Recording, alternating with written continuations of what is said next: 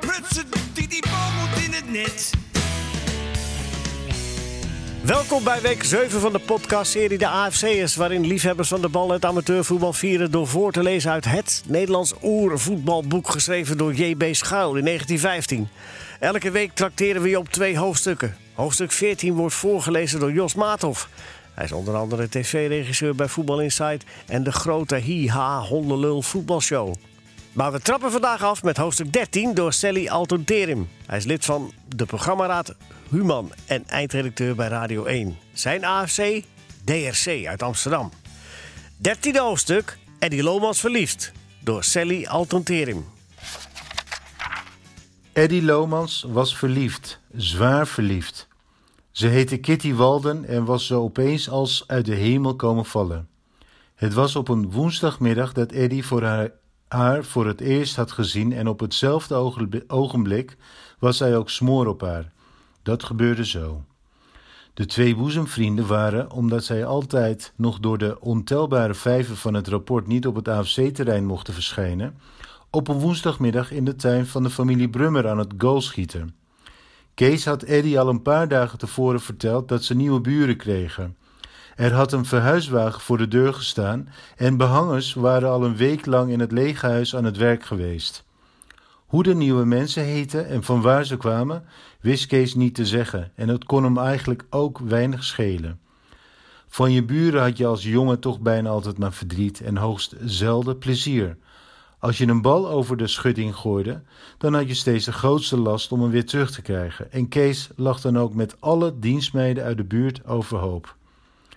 Hij was al zowat uit alle tuinen verdreven als hij, met grote moeite, over de schutting was geklommen om zichzelf recht te verschaffen en zijn eigendom terug te halen. En hij verwachtte niet anders dat dit bij de nieuwe buren wel net zo zou gaan. Toen Eddie dan ook, nadat zij een kwartiertje hadden gespeeld, glad overschoot en zij de bal in de tuin van de nieuwe mensen zag verdwijnen, besloot ze mij onmiddellijk eventjes over te wippen om het leren ding terug te halen. Eddie klauterde, omdat Kees met zijn corpulentie daar altijd zo'n moeite mee had, op de schutting om eens even aan de andere kant polshoogte te nemen. Kees wachtte geduldig op de begane grond. Maar opeens hoorde hij Eddie roepen: Zeg, pst, Kees, een jongen en een meisje. Waar? Hiernaast? vroeg Kees nieuwsgierig. Eddie knikte. Kees deed al wanhopige pogingen om zich naar boven te werken. Als er iets bijzonders bij de nieuwe mensen te, eh, te zien was, moest hij erbij wezen. Eddie merkte nauwelijks hoe zijn vriend naast hem aan het krabbelen was. Hij had alleen maar oog voor dat ene meisje in die blauwe CVO-jurk dat voor hem in de tuin. Wat een leuke type, zeg, riep Eddie. Help me dan eens, riep Kees, die van verlangen brandde om de leuke types ook eens te zien. Eddie sjorde zijn kameraden naar boven. Hè hè, zuchtte de dikke keeper toen hij met zijn buik op de schutting lag. Waar zijn ze nou? Eddie wees in de richting van het huis en Kees ontdekte een jongen van een jaar of veertien en een meisje van ongeveer dezelfde leeftijd. Zij was een kittig, aardig blondje met loshangend haar en hij een flink uit de kluiten gegroeide jongen met een open, prettig gezicht. Zeker broer en zus, fluisterde Eddie. Ja, dat denk ik ook. Ze lijken sprekend op elkaar, beaamde Kees. Een ogenblik zaten de twee jongens zwijgend naast elkaar op de schutting in volle bewondering voor het nieuw ontdekte mensenpaar. Een aardig leuk ding, hè? zei Eddie. Kees knikte. Ja, wel aardig, zei hij. Kees was nooit zo gauw enthousiast over meisjes. Ze zwegen weer stil en keken naar het kittige ding met haar loshangende, mooie blonde haren en naar de jongen die zo sprekend op het meisje leek. Hij was bezig met een kist open te breken, terwijl zij er naar stond te kijken. Gaat het, Henk? hoorden de twee vrienden op de schutting haar zeggen. Nee, de spijkers zitten er zo vast in, antwoordde de jongen, die blijkbaar Henk heette. Wil ik je eens helpen? vroeg zij weer. Wat praat ze leuk, hè? zei Eddie. Och, net als andere meisjes, zei Kees koeltjes. Eddie kon zich niet begrijpen dat Kees het zei. Willen we eens fluiten? vroeg hij. Kees floot al. De jongen en het meisje keken op en lachten. Wat ziet ze er mo moppig uit als ze lacht, hè? dacht Eddie, maar hij zei het maar niet, omdat Kees daar blijkbaar toch niets voor voelde.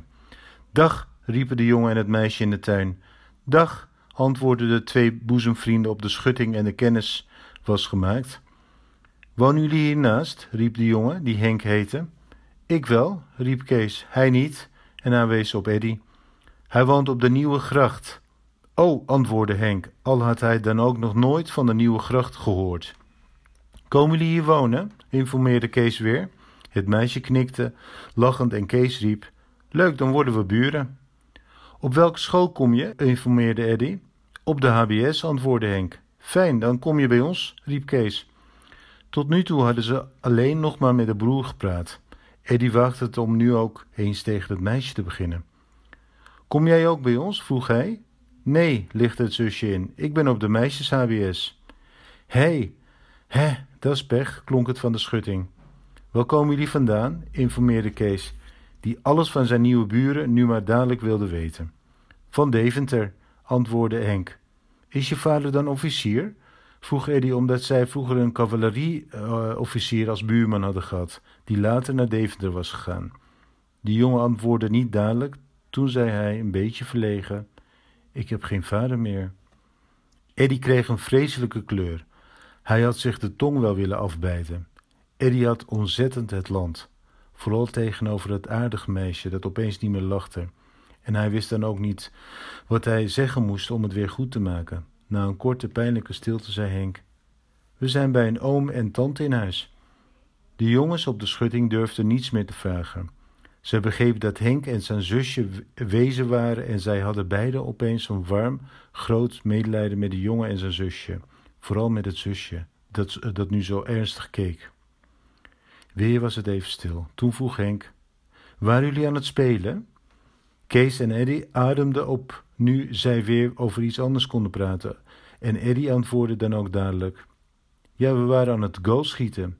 Onze bal ligt uh, bij jullie in tuin. Kom hem maar halen, riep Henk. Eddy en Kees slingerden hun benen over de schutting en sprongen in de tuin. Voetbal jij ook? vroeg Eddy. Jazeker.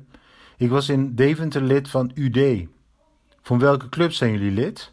Van AFC, antwoordden Eddy en Kees tegelijk. Daar word jij ook lid van, hè, Henk? zei het meisje. Eddy raakte al meer en meer in de wolken. Wat een leuk aardig ding was dat. Hoe heet jullie eigenlijk? vroeg Eddy. Henk Walde, antwoordde hij. En ik heet Kitty, antwoordde zij. Kitty Walde. Wat een snoezige naam. Eddy vond het meisje al liever en liever. Kunnen we jullie helpen? vroeg hij. Hij voelde er veel meer voor om wat bij de nieuwe buurjongen en zijn aardige zusje te blijven dan weer in de tuin van Kees te gaan goalschieten. Ja, dat is goed, antwoordde Henk. Toen hoorde Kees en Eddy een zachte, lieve vrouwenstem roepen. Henk, Kitty, willen jullie me even helpen? Boeken naar boven brengen? Eddy en Kees keken elkaar even aan. Nou, dan zullen wij maar wegwezen, Eddy, zei Kees, een beetje teleurgesteld. Hij vond het toch ook jammer om nu afscheid te moeten nemen. Maar op hetzelfde ogenblik kwam mevrouw Walde, de tante van Henk en Kitty, naar buiten. De twee vrienden kwamen dadelijk onder de indruk van de innemende, vriendelijke verschijning. Zij was een tengere in het zwart geklede vrouw met iets onbeschrijfelijks zachts in haar ogen. Eddie en Kees namen, iets wat verlegen, hun pet af. Dat is de jongen van hiernaast, tante, lichtte Henk dadelijk in. En dat is zijn vriend. Ja, hoe heet jullie nou? vroeg hij lachend. Eddie en Kees noemden hun namen. Uh, ze vroegen of ze ons mochten helpen, zei Henk weer. Wel ja, jongens, als jullie willen, heel graag, kom maar mee. Eddie en Kees waren al binnen. Eddie wist niet wie hij liever vond. De leuke, aardige Kitty met haar mooie blonde haren en haar wipneusje, of die snoezige mevrouw met haar zachte, lieve stem. En Henk was een machtig leuk type, dat zag hij dadelijk. In de tuinkamer stond meneer Walden. Zo, krijgen we assistentie? Dat is mooi. Zijn jullie de buurjongens? vroeg hij lachend. Meneer, ook al zo'n vrolijke, joviale man. Wel verdraaid, wat een aardige mensen waren dat. Eddie dweepte nu al met de hele familie. Een leuke, gezellige meneer, een zachte, lieve vrouw, een lollige, echte jongen en het zusje. Nee, die was nou gewoon weg om te stelen. Dat was in één woord een engel, een schat. Zo'n meisje had Eddie in zijn leven nog nooit gezien. Wat liep ze daar fief en vlug, wat had ze een aardige jurk aan, wat lachte ze telkens moppig, wat praatte ze leuk. Eddie was nog nooit echt verliefd geweest. Hij had altijd, net als Kees, andere jongens uitgelachen als die het over een meisje hadden. Hij had dit altijd flauwe kinderachtige onzin gevonden. Maar nu, nu had hij het ineens te pakken en danig ook. Het was precies zoals het wel eens in grote mensenboeken beschreven stond. Het kwam plotseling over hem, roetsch, onverwachts. Eddie wist nu al zeker dat hij later met Kitty zou trouwen. En Kees? Och, die vond Kitty ook wel aardig, maar verliefd? Nee hoor. Dan moest er nog heel wat anders met Kees gebeuren. Meisjes stonden bij Kees niet erg in de pas. Dat waren volgens hem meestal nuffen en nesten die het altijd onder elkaar hadden over mooie kleren, partijtjes en verliefdheid. Hij had er de schrik van te pakken gekregen op de danslessen, waar hij op hoog bevel tot het vorige jaar elke vrijdagmiddag naartoe moest. Die dansles was voor Kees steeds een nachtmerrie geweest. Aan dat idiote rondspringen en huppelen met meisjes had hij altijd gruwelijk het land gehad. Hij kon er trouwens ook niets van. Hij was meestal met zijn dikke lichaam en halve slag achter en trapte zijn dame geregeld bij elke wals uh, één of tweemaal op haar tenen. De meisjes moesten er niets van hebben om met de dikke Kees Brummer, hoe leuk ze hem dan ook over het algemeen ook vonden, te dansen. En het was voor Kees een hele opluchting geweest toen de heer Partijn, de dansleraar, hem op een goede dag voor altijd van de dansles had gebust. Omdat hij een zak groente erwten in, de, in des huis heren Partijns viool had laten leeglopen. Nee, meisjes, dat was niks voor Kees.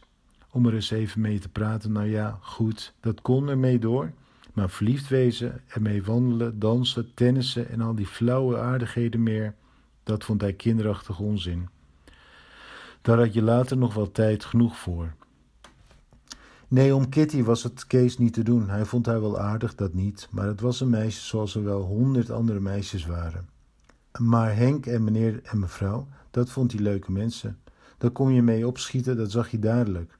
Bij de familie Walde zou je gerust over mogen klimmen als de bal eens over de schutting was gevlogen. En Henk zou ook wel vaak bij hem komen overwippen. Kees was erg in zijn schik met zijn nieuwe buren en wou dus, al was het dan ook maar om uh, andere reden dan Eddy, nog graag een uurtje blijven. Nou jongens, als jullie willen, breng dan deze boeken maar naar boven, zei meneer Walden. Eddie en Kees hadden al een stapel in hun armen en zij sjouwden met hun nieuwe vriend en zijn zusje naar boven om de boeken daar in een grote kast te brengen, bergen. Zodra ze klaar waren, holden ze weer naar beneden om een nieuwe zending te transporteren. En terwijl zij zo bezig waren, vertelden zij onder de hand elkaar van alles uit hun leven. Ze hoorden van Kitty en Henk dat zij tweelingen waren, dat meneer Wal de dokter was en dat zij al vier jaar bij een oom en tante in huis waren. Al vier jaar waren zij dus wezen. Maar daar durfden twee jongens niet naar te vragen. Ze begreep dit wel zonder dat Henk en Kitty hun dat zeiden, en Eddie keek weer even vol medelijden naar het zachte, blonde meisje. Hij zou op dat ogenblik voor haar door het vuur zijn gegaan. Eddie en Kees vertelden op hun beurt van het hok, van de leraren, van de meisjes HBS, van AFC en van Vitesse. En ze zeiden ook tegen Henk dat zij voorlopig niet naar de AFC mochten om een rapport, maar dat ze dit vandaag niks zuur vonden. Toen ze klaar waren met de boeken, hielpen ze bij het openmaken van kisten en bij het uitpakken van manden in de wijnkelder. En zij sjouwden en zoegden alsof zij hun brood die dag mee moesten verdienen. En Eddie verklaarde bij herhaling aan Kitty en Henk dat hij het veel fijner vond om hier te helpen dan te spelen op AFC. Hij had nooit gedacht dat hij zijn vader nog eens zo dankbaar zou zijn voor de hem opgelegde straf. Het kostte beide jongens bepaald moeite van de familie weg te gaan en toen mevrouw om vijf uur zei dat ze maar vaak bij Henk moesten komen spelen, antwoordde ze tegelijk gretig: Graag, mevrouw. Zij klommen omdat dit volgens hen de kortste en de uh, gemakkelijkste weg was, weer over de schutting en daarboven op die plankomheining namen ze afscheid van hun nieuwe vriend en, en het vriendinnetje. Nou, bejour, Henk, tot ziens. Bejour, Etty. Bejour, Kees, antwoordde Henk, toen wat zachter en een beetje verlegen. Dag, Kitty. Dag, riep het meisje en de jongens sprongen van de schutting af.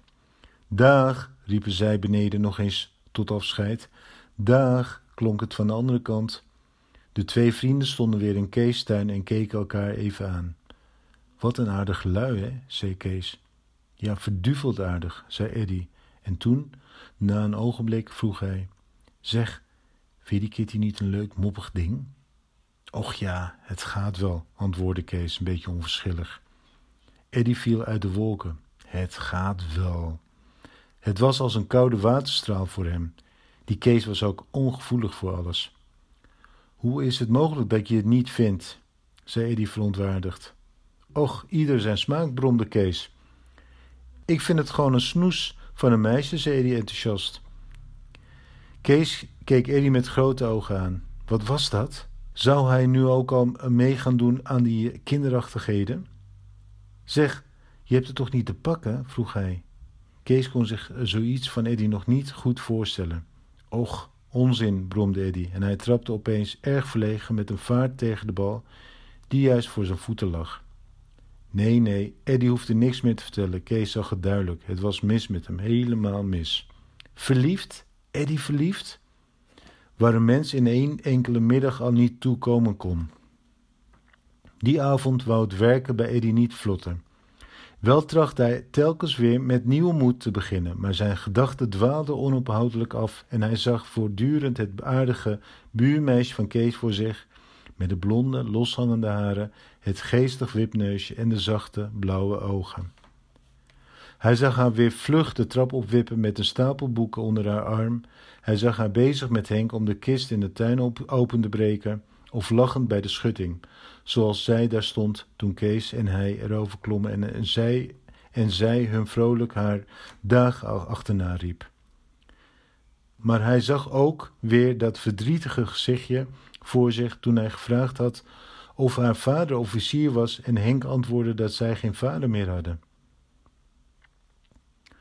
Hoe had hij toch zo dom kunnen zijn om zoiets te vragen? Wat zou zij wel van hem gedacht hebben toen hij dat vroeg? En dat hij niets gezegd had, dat hij zo onhandig zijn mond had gehouden. Hij kreeg een kleur toen hij daar weer aan dacht. Hij had er het land over, vreselijk het land. Maar wat had hij op dat ogenblik moeten zeggen? Zij zou toch wel hebben begrepen dat hij dat erg naar vond. Als hij haar eens een briefje stuurde en haar schreef dat hij er erg spijt van had. Eddie scheurde een stuk papier uit zijn thema-cahier en begon. Lieve Kitty, ja, wat nou verder? Het was toch niet gemakkelijk om een meisje te schrijven, vooral niet over zoiets. Hij beet op zijn pennenhouder en staarde naar het plafond. Hallo, Eddie. Het was Kees die de trap op kwam stormen. Eddie schoof gauw het papiertje onder een stuk vloei. Kees hoefde van het briefje niets te weten. Kees moest een atlas van Eddie hebben, maar de atlas was eigenlijk maar een smoesje, want in werkelijkheid kwam hij om nog wat met zijn vriend over de nieuwe, leuke buren te bomen. Kees had Eddie geen grote genoegen kunnen doen, want op dit ogenblik sprak hij nergens liever over dan over de familie Walde. En telkens bracht Eddie het gesprek op Kitty, die hij toch zo verduveld aardig vond. Omdat Kees wel merkte dat hij er niets meer aan eh, kon doen, gaf hij hem maar zijn zin en zei hij dat hij Kitty aardiger vond dan al die nesten en nuffen van, die uh, van de dansles bij elkaar. En dit meende Kees volkomen. O jee, die zijn niet met elkaar te vergelijken, lachte Eddie. Zeg Kees, vroeg hij na een ogenblik, was het erg dat ik dat zei van haar vader? Het was wel sneu, maar je kon het toch niet weten? Stelde Kees hem gerust. Nee hè, zei Eddie, heel wat getroost door de opmerking van zijn vriend. Kees zat op de rand van de tafel, speelde met het stukje vloei.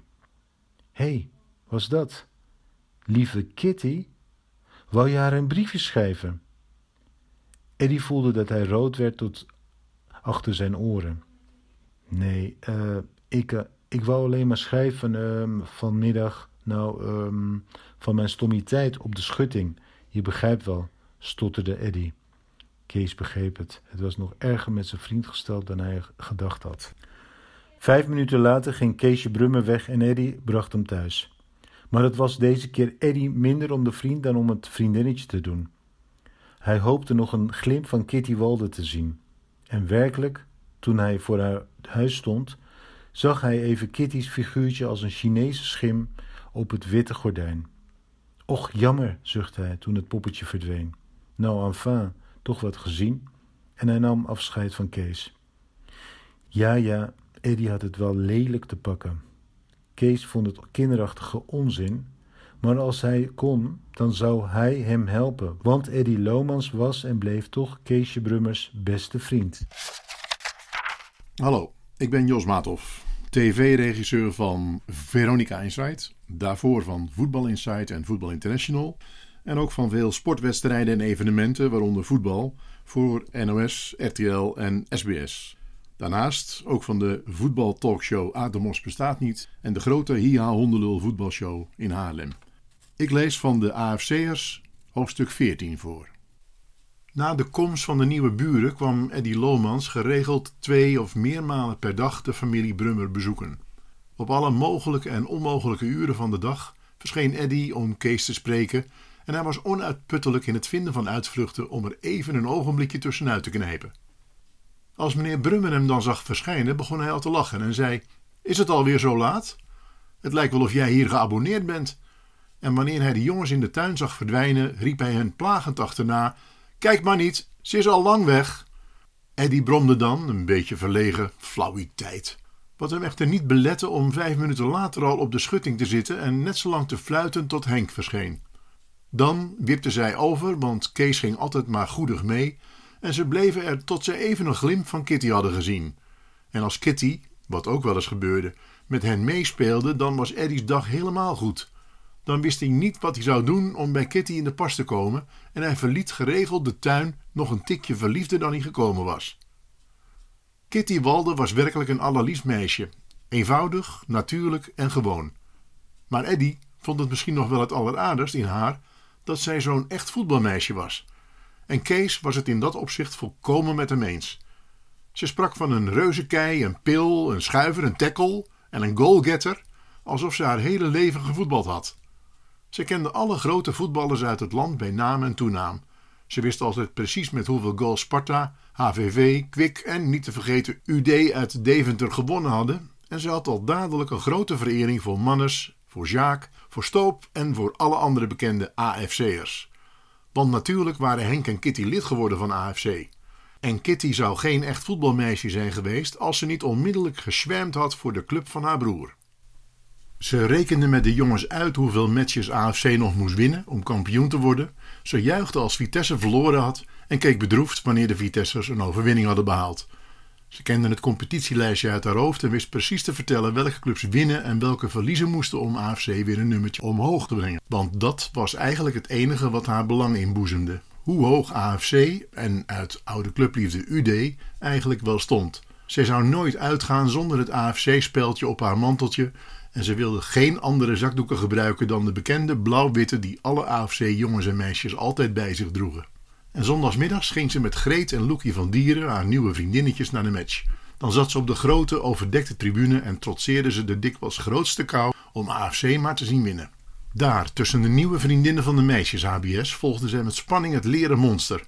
Ze klapte in haar fijne handen als stopen gevaarlijke bal had weggewerkt, juichte luid als de bal de goeie en zuchtte diep als hij de verkeerde goal invloog. En wanneer ze dan later in onvervalste voetbaltaal Eddie vertelde dat Mannes weer schitterend was geweest, dat Dolf de hattrick had gemaakt, Sjaak een penalty twee keer had gemist en Hoekie met zijn reuzenpillen het spel telkens had verplaatst, dan keek Eddie naar Kees met glunderende ogen.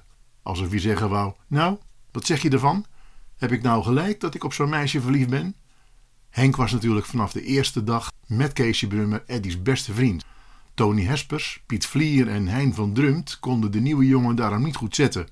Ze vonden het een flauwe streek om oude vrienden in de steek te laten voor zo'n vreemde. Maar ze begrepen heel goed dat het meisje daarachter zat. Och, die lamme meisjes ook altijd, zei Hein van Drumt, die helemaal niet verliefderig van natuur was. Als hij Kees, Henk en Eddy met z'n drieën zag. Ik wou dat ze allemaal naar de pomp vlogen. Nou, laat ze maar ophoepelen, zei Tony dan spijtig. We hebben ze niet nodig. Maar in zijn hart hoopte hij dat Eddy's verliefdheid heel gauw over zou zijn. Overal zag je Eddy, Kees en Henk samen, alleen op het AFC-veld niet. Dit was voor Eddy in die dagen zijn enig verdriet, dat zijn AFC-kaart altijd nog in de binnenzak van zijn vaders jasje zat. Keesje Brummer had haar al lang weer terug en Eddy had ook al meermalen een poging in die richting gewaagd, Maar zijn vader was steeds onverbiddelijk gebleven. Maak jij maar eerst dat je geen enkele vijf meer op je rapport hebt. Dan zullen we nog wel eens verder zien, was het telkens. En Eddy begreep dat zijn lot geheel in de handen lag van de fluit, de kameel en de pompelmoes. De drie leraren die hem met een vijfje diep rampzalig, met een zesje overgelukkig konden maken. En hij vorste zich een half ongeluk om met Kees en Henk maar weer woensdags en zaterdags op AFC te kunnen spelen. En met Kitty, Greet en Loekie van Dieren zondags naar de matches te kunnen gaan. Overmorgen, dan was het rapportdag. Dan zou Eddy's lot worden beslist. Hij verkeerde al sinds weken in angst en vrezen en elke keer als zij een proef terugkregen, zat hij te trillen op zijn bank. Voor wiskunde was hij zo bang niet meer. Bij de fluit zou hij zijn vijver wel hebben opgehaald. Maar voor Duits en Nederlands zat hij lelijk in de piepzak. Nu zaten ze bij de kameel, de leraar Nederlands, die hatelijk langzaam jongen voor jongen zijn proefwerk teruggaf. En daarbij natuurlijk ellenlange betogen hield. Eddie wou hem de papieren wel uit de handen kijken. Schiet nou toch op, dat weten we wel, dacht hij, toen de kameel weer een verhandeling over open en gesloten lettergrepen begon tegen de haak. Eer hij toch ooit leraar werd. Nou, dan moest er wel heel wat gebeuren. Was dat nou een beroep? Om jongens altijd in de penarie te laten zitten? Als hij leraar was, dan zou hij nooit één onvoldoende geven. Vijven, nou ja, dat natuurlijk wel. Maar lager ook nooit. Maar de kameel, die scheen het lollig te vinden om drieën en vieren te geven. Als hij nou toch wist dat hij met een enkel sessie een jongen zijn AFC-kaart terug kon bezorgen, zou hij het dan doen? Och nee, natuurlijk niet. Wat kon de kameel een AFC-kaart schelen? Daar ging hij weer door. Vier, drie, vijf. Bij elk cijfer ging Eddy een schok door zijn lichaam. Twee. Wie was die ongelukkige? O, Delfoos natuurlijk. Eddy voelde duidelijk dat het angstzweet hem uitbrak. Ai, daar kwam zijn werk. Verdorie, wat een rode en blauwe strepen. Het leek wel een schilderij. Natuurlijk weer mis. Lomans. Hmm, ja. De kameel keek het werk eens door. Toen nou, zeg het nou maar, dacht Eddy. Schitterend is anders. Ja, dat weet ik wel. Schiet nou maar op, ging het weer niet erg eerbiedig door Eddy's hoofd. Met hoeveel O's schreef jij autootje? Hé, wat? Autootje? Och, laat me nou toch niet langer in de benauwdheid zitten. Wat kan mij nou autootje met één of twee O's schelen? Als ik het maar weet van AFC, dacht Eddy. Nou, met hoeveel? Hemeltje lief, zou daar misschien mijn cijfer van afhangen? Eén of twee O's? Autootje, autootje, het kan allebei wel. Is me dat ook een beroerd woord? Eddy wist het op geen stukken na, keek smekend rond om hulp. Jans en Plukkie zaten met één, Verschuur en Kaandijk met twee vingers in de hoogte. Nu was hij nog even ver. Weet je of weet je het niet? klonk het nogmaals. Vooruit, in hemelsnaam, dan maar raden. Jawel, meneer. Eén. Zo. Nou, zie je wel? Je weet het niet. Och, lieve zuster Grietje, het was mis. De kameel reikte de proef over. Twee. Alsjeblieft. Hé, wat? Een twee? Eddy hoorde en zag niets meer. Vuut, metjes. Weg AFC. Het is het hoogste wat ik je geven kon. Als het de volgende maal niet beter is, dan krijg je een cijfertje lager. Nog lager? Och ja, waarom ook niet? Ga je gang maar. Eddy schoof nijdig de proef van zich af. Hij keek er niet eens in. Ben je niet tevreden misschien? Had je liever een vijf? Ja, natuurlijk, bromde Eddy. Oh, dat is goed. Geef dan maar hier. Je kunt het krijgen zoals je het hebben wilt, zei de kameel boos en nam het papier weer terug. Hé, hey, hé, hey, wat, wat moet dat betekenen? Eddy keek en greep met schrik naar zijn proef. Hij had het duidelijk gezien. Zes min stond eronder. Nee, meneer, nee. Nu pas kreeg hij in de gaten. Het autootje had recht op twee O's. Ik dacht, eh, stamelde die verlegen, dat ik een twee had. De hele klas schaterde het uit en ook de kameel begon te lachen. Eddy kreeg zijn proef terug. Zie je wel dat je eigenlijk geen zes verdient, zei de taalleraar. Nou ja, dat kan me niks schelen. Ik heb hem, dacht Eddy. En hij keek met een stralend gezicht naar het zesje met het minteken. Opgeruimd ging Eddy om twaalf uur de school uit. Bij de fluit geen enkel onvoldoende, bij de pompelmoes niet, bij de kameel een zes met een minnetje. Wat was het een plezier om te leven. Daar kwamen Van Delde en Montaigne, de captain en de keeper van het vijfde, naar hem toe. Wat moesten die van hem hebben? Zeg, Lomans, Speel jij vanmiddag met ons mee tegen de trappers? vroeg Van Delden. Als linksbinnen, vulde Montaigne aan. Eddie voelde dat hij purperrood werd. Hij meespelen met het vijfde in een echte match tegen de trappers? Een match waarvan later een verslag kwam in het dagblad? Graag, zei hij onmiddellijk. Nou, dat is dan afgesproken. We spelen op hun veld, je weet wel, achter de gasfabriek. Eddie wist het, hij zou zorgen present te zijn. Tot vanmiddag dan. En Van Delden en Montaigne liepen door. Spelen in het vijfde. Eddie kon het nog niet goed bevatten. Was het nog het zesde geweest, het laagste vaste elftal dat aan de matches van de Stedelijke Voetbalbond meedeed, dan had hij het zich kunnen begrijpen. Maar het vijfde? Nee, dat had hij nooit gedacht. Dat waren bijna allemaal jongens van 16, 17 jaar. Romein, de middenvoor, was zelfs 18, die in de derde en vierde klas HBS en gym zaten. Hoe waren zij ertoe gekomen om hem ineens zo te vragen, zonder dat hij ooit in het zesde had gespeeld? Zou die dan zo goed zijn, zoveel beter dan Hein van Drum, Piet Vlier en Tony Hespers? Zouden Van Delden en Montaigne hem zo'n goede linksbinnen vinden? Verbeeld je eens dat hij er voor goed in kwam, dat hij... Weer vloog het bloed naar zijn wangen. Een gevoel van gelukzaligheid doortintelde hem. Keesje Brummer, Hein van Drumt en Piet Vlier kwamen naar buiten. Zou je dadelijk zeggen? Zouden ze hem geen branischopper vinden als hij er zo ineens mee aankwam zetten? Eddie durfde eigenlijk niet goed, doodsbang door zijn kameraden voor opschepperig te worden gehouden. Toch brandde het hem op zijn lippen. Zeg, Ed, kom je mij vanmiddag halen? vroeg Kees. Uh, uh, nee, ik kan niet vandaag, antwoordde Eddie. Waarom niet? Nou, ik, ik, ik moet spelen tegen de trappers. Met wie? vroeg Hein, een beetje verwonderd. Met, met, met het vijfde. Het was of hij een zonde bekende, zo zacht zei Eddie het. Met het vijfde, riepen de drie jongens tegelijk. Met het vijfde? Ze werden er stil van. Ze moesten nog even bekomen van hun verbazing. Ja, Van Delden en Montaigne hebben het me gevraagd, lichtte Eddie nog in. Sappen de kriek, das reuze fijn, riep Kees opeens opgewonden uit. En hij sloeg zijn vriend hardhandig op zijn schouders. Kees was er zo mee in zijn schik alsof Van Delden hem zelf voor keeper had gevraagd. Hein en Piet zeiden echter niets, ze waren razend jaloers. Hoe kwam Van Delden erbij om Eddie voor het vijfde te vragen? Ze vonden het beide gewoonweg belachelijk. Nou ja, Eddie speelde wel een aardig partijtje voetbal, maar hij liep toch niet half zo hard als de haak. Gaf toch nooit zulke pillen als Piet Vlier.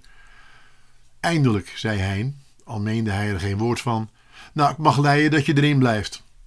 In zijn hart hoopte de haak natuurlijk dat Eddie niet zou voldoen en dat Van Delden dan bij hem zou aankloppen.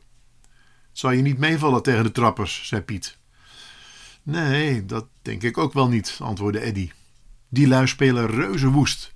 Die lopen zo'n licht ventje als jij bent dadelijk van de sokken, zei Piet nog eens. Ja, ik begrijp niet dat ze jou niet genomen hebben. Jij bent veel steviger, vond hij. Kees begon te lachen. Dat begrijp ik best. Piet loopt als een beer op sokken, net als ik.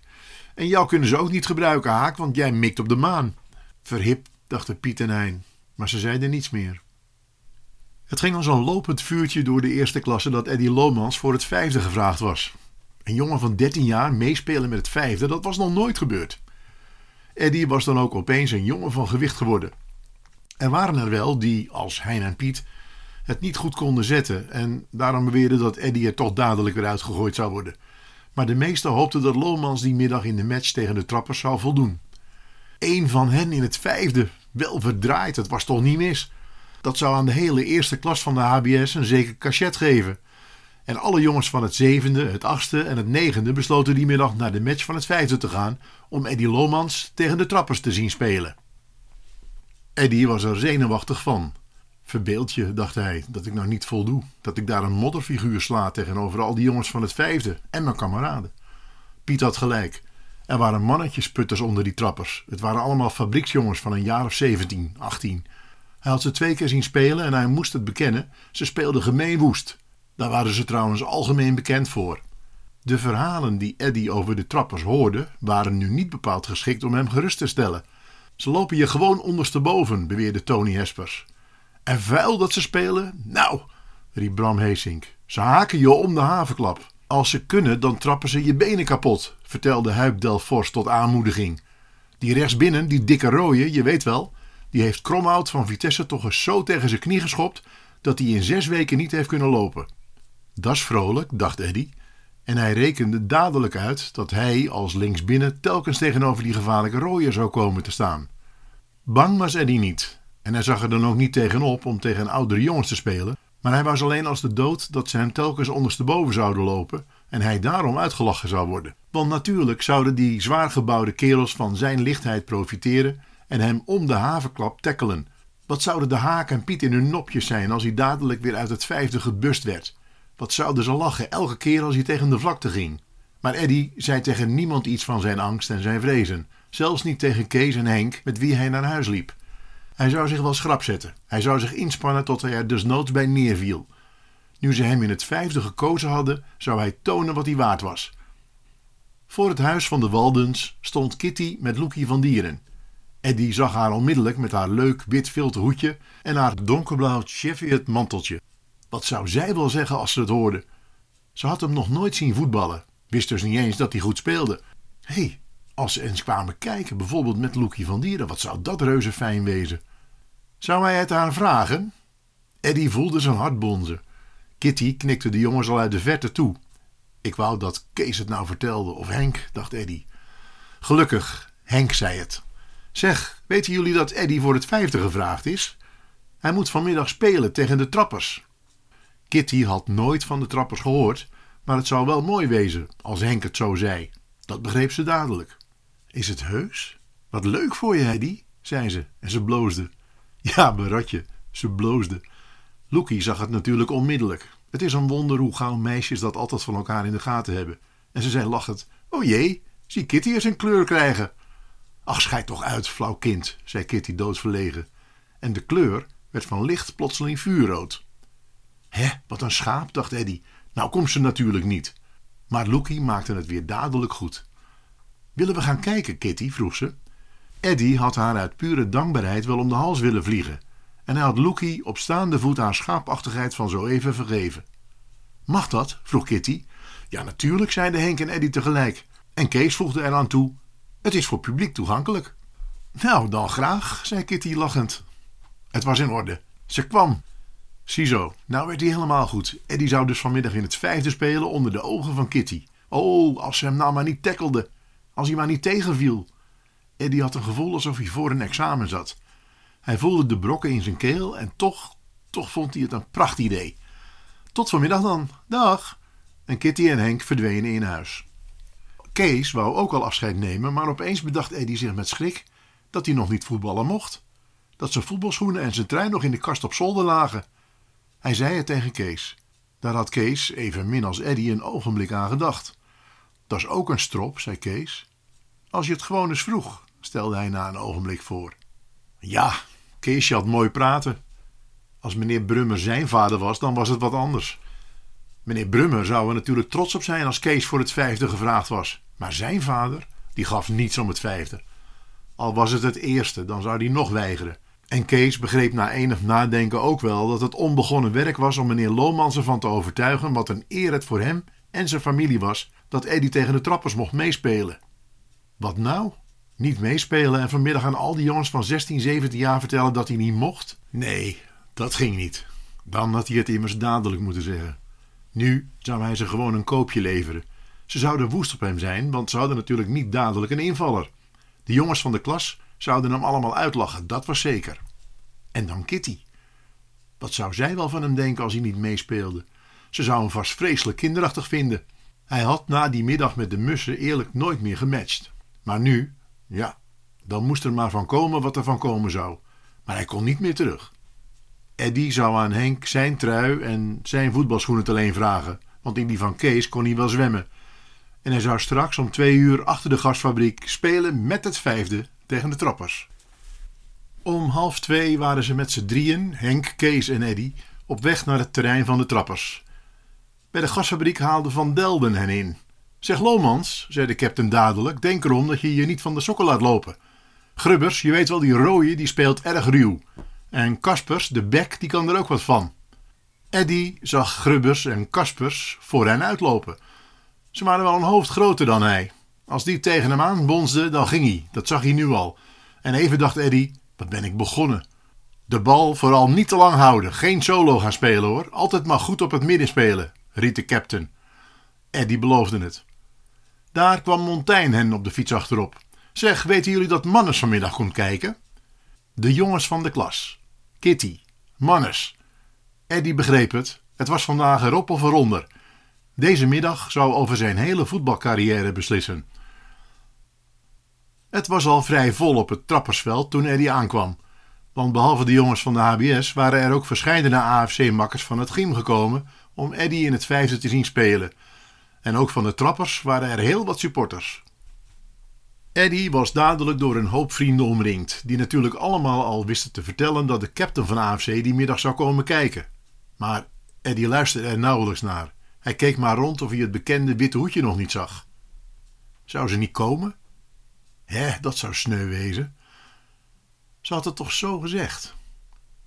Op het veld waren de AFC'ers al aan het goalschieten, maar Eddie zat nog steeds aan de rand van een sloot Henks voetbalschoenen aan te trekken, al maar kijkend in de richting van de gasfabriek.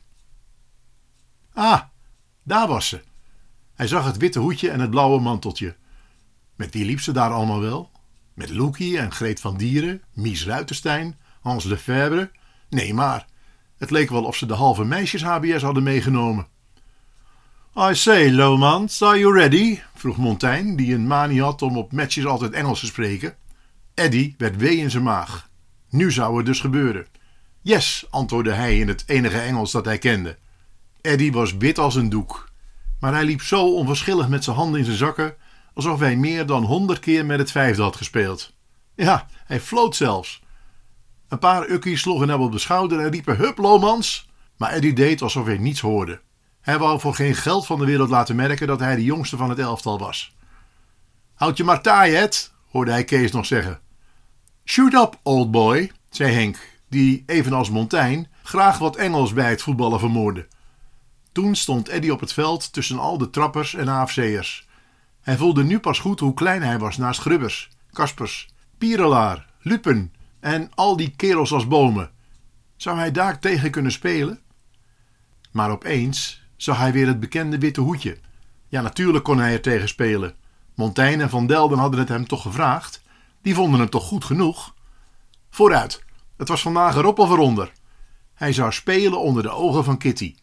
Wel verdraaid, het zou nooit eronder zijn, of hij heette geen Eddie Lomans.